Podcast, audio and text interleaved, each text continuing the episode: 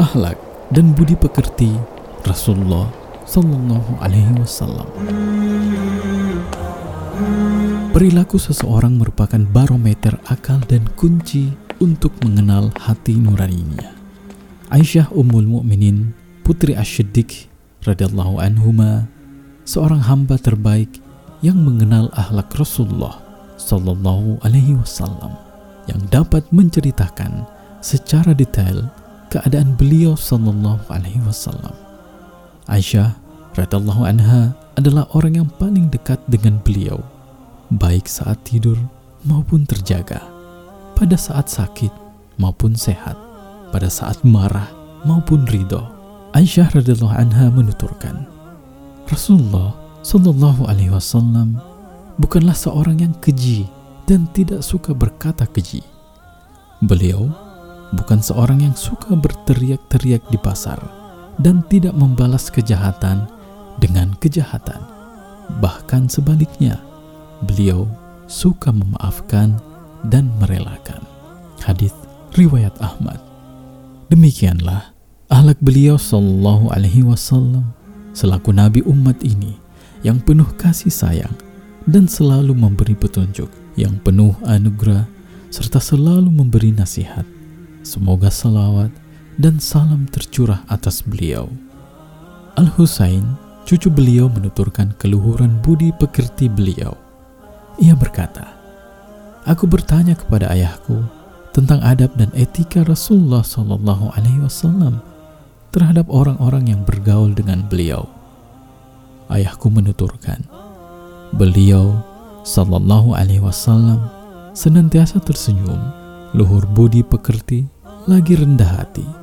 Beliau bukanlah seorang yang kasar, tidak suka berteriak-teriak, bukan tukang celah, tidak suka mencela makanan yang tidak disukainya. Siapa saja yang mengharapkannya pasti tidak akan kecewa, dan siapa saja yang memenuhi undangannya pasti akan senantiasa puas. Beliau meninggalkan tiga perkara: dia berbangga-bangga diri dan hal tidak bermanfaat, dan beliau menghindarkan diri dari manusia karena tiga perkara. Beliau tidak suka mencela atau memaki orang lain. Beliau tidak suka mencari-cari aib orang lain, dan beliau hanya berbicara untuk suatu maslahat yang bernilai pahala. Jika beliau berbicara, pembicaraan beliau membuat teman-teman duduknya tertegun, seakan-akan kepala mereka dihinggapi burung karena kehusuannya. Jika beliau diam, barulah mereka berbicara. Mereka tidak pernah membantah sabda beliau. Bila ada yang berbicara di hadapan beliau, mereka diam memperhatikannya sampai ia selesai bicara. Pembicaraan mereka di sisi beliau hanyalah pembicaraan yang bermanfaat saja. Beliau tertawa bila mereka tertawa. Beliau takjub bila mereka takjub dan beliau bersabar menghadapi orang asing yang kasar ketika berbicara atau ketika bertanya sesuatu kepada beliau. Sehingga para sahabatnya selalu mengharapkan kedatangan orang asing seperti itu guna memetik faidah. Beliau bersabda, "Bila engkau melihat seseorang yang sedang mencari kebutuhannya, maka bantulah dia."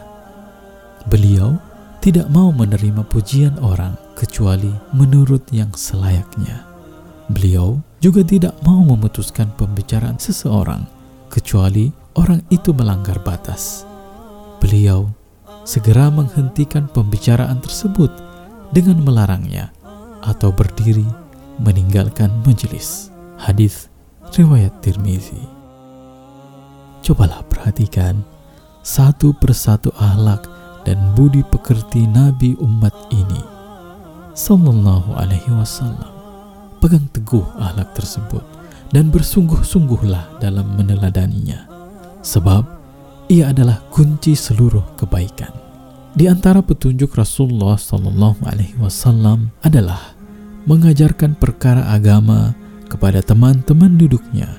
Di antara yang beliau ajarkan adalah barang siapa yang wafat sedangkan ia memohon kepada selain Allah, ia pasti masuk neraka. Hadis riwayat Bukhari. Di antaranya juga, seorang muslim adalah yang kaum muslimin dapat terhindar dari gangguan lisan dan tangannya. Seorang muhajir atau yang berhijrah adalah yang meninggalkan segala yang dilarang oleh Allah Subhanahu wa taala. Muttafaq alaih.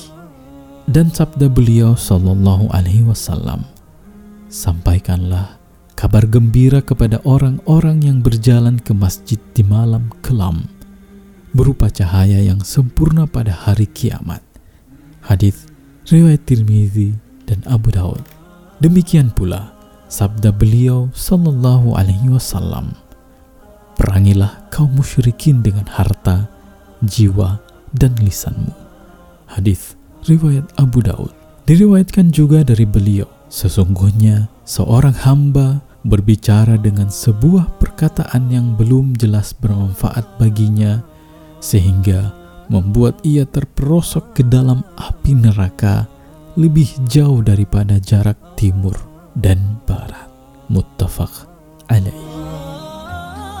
Ah.